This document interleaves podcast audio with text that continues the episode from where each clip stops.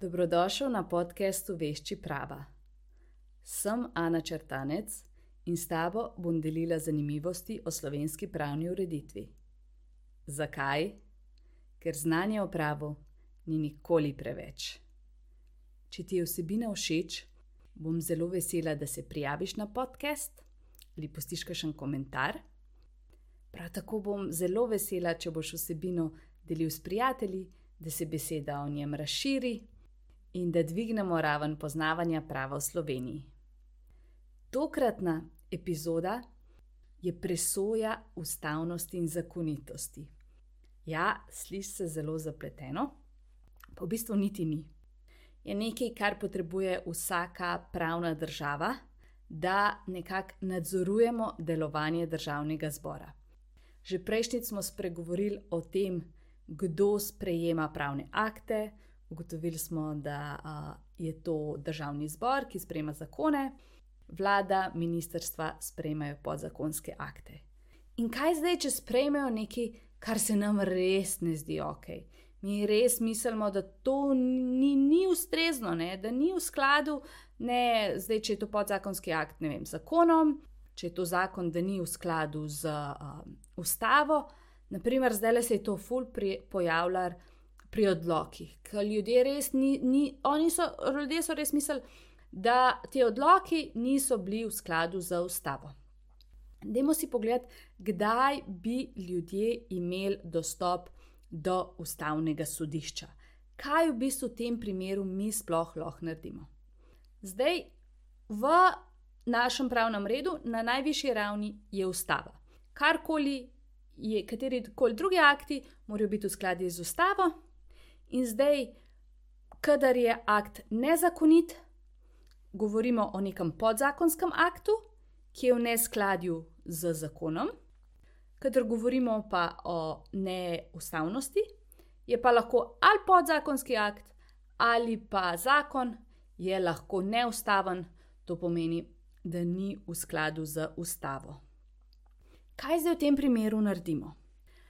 Prva opcija je, da se aloži zahtevo, druga opcija, da se vloži pobudo.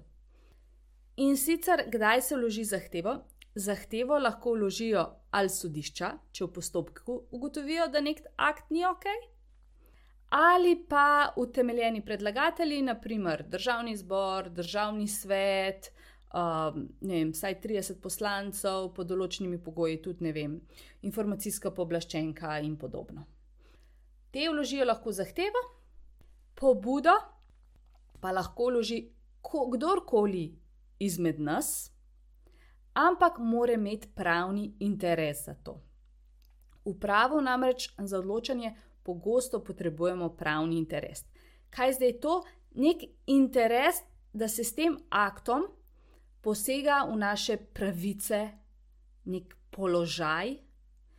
Zdaj, če si pogledamo na primeru, rekli smo odloka, z odlokom je, bilo, je bila um, tale uh, ura, je bila policijska ura, pa bile so, da so bile gostilne zaprte. Ne?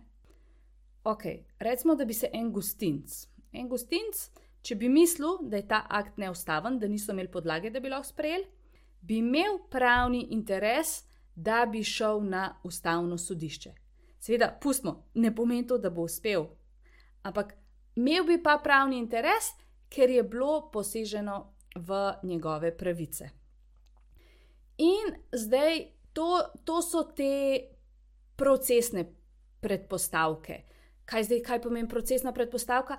Da sploh mi lahko imamo dostop do sodišča, torej te, tisti, tiste osebe za zahtevo, in mi, če bi hoteli pobudo vložiti, bi imeli, mi moramo imeti pravni interes, ne? torej brez pravnega interesa ne bi bilo nič.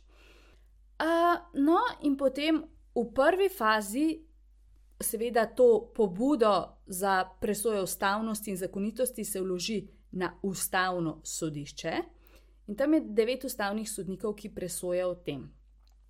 Zdaj, oni pri pobudi lahko že zelo hitro ugotovijo, da ni utemeljena. Da bi sam pogledajo, aha, ok, oseba se ni dosti pozanimala, je kar sam šla, v redu, pač bomo zavrnili, ja, ni utemeljeno. Ne? In to se v zelo velik primerih zgodi. Tako da, če niste zelo, zelo prepričani, bi jaz raj svetovala, da ne, ker se v bistvu samo stroške delate. Stroški bodo potem na vas. Eh, če niste prepričani v svoje argumente, ne, ker rabite nekoga, ki vas bo zastopil za to, joj, bi jaz kar odsvetovala. No? Uh, no, in potem, ko se sproši enkrat postopek, bojo ustavni sodniki izdali odločbo in sicer glasovati more za sprejem te odločitve večina poslancev, uh, večina ustavnih sodnikov. Seveda, um, more, mislim, imajo pa možnost ostali, ki so preglasovani, da izdajo ločeno mnenje. Mogoče se ne strinjajo o sploh z odločitvijo. Druga opcija je pa, da se ne strinjajo v razlogih, ker namreč vsaka ta odločba mora biti obvezno obrazložena. Brez obrazložitve odločbe a, ne gre. In v tem primeru izdajo, izdati sodnik, ki bi izdal ločeno mnenje, ga seveda izda. In kakšne so zdaj možnosti, kaj lahko oni rečejo? Lahko rečejo, da je ta ureditev, zdaj ta, ne vem, mogoče se je presojil zakonski akt, mogoče se je podzakonski akt, lahko gotovijo, da to ni v neskladju z ustavo. To pomeni, da je vse ok, ker ni v neskladju. Druga opcija lahko v celoti ali deloma razveljavijo zakon. Lahko celoti kot, kot celoto, celega zakona zdaj ni več, lahko pa samo deloma, ne vem, mogoče eno, eno določbo, ki je bila sporna. Potem imajo možnost, da v celoti razveljavijo ali pa odpravijo podzakonski akt. Tudi to je možno. Zdaj, zadnja opcija je pa, da izdajo ugotovitveno odločbo. Da ugotovijo, da ja, ta ureditev ni ok, ampak oni sami se jim zdi, da tega ne morejo odpraviti, in potem naložijo um, državnemu zboru, da čim prej to stanje, o, uh, da to stanje čim prej uredi, ker trenutni, v taki obliki, kot je trenutno, je neustavno ali pa nezakonito.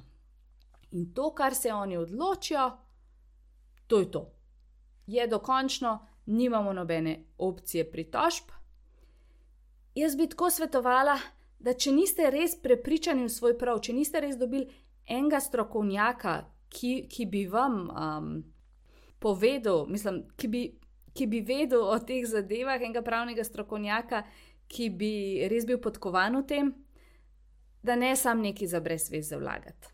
Ja, pozanimite se, če mislite, da imate prav, pa ste dobili mnenje, seveda, pejte, probite, itak. Ampak ne pa kar sam neki za brez veze.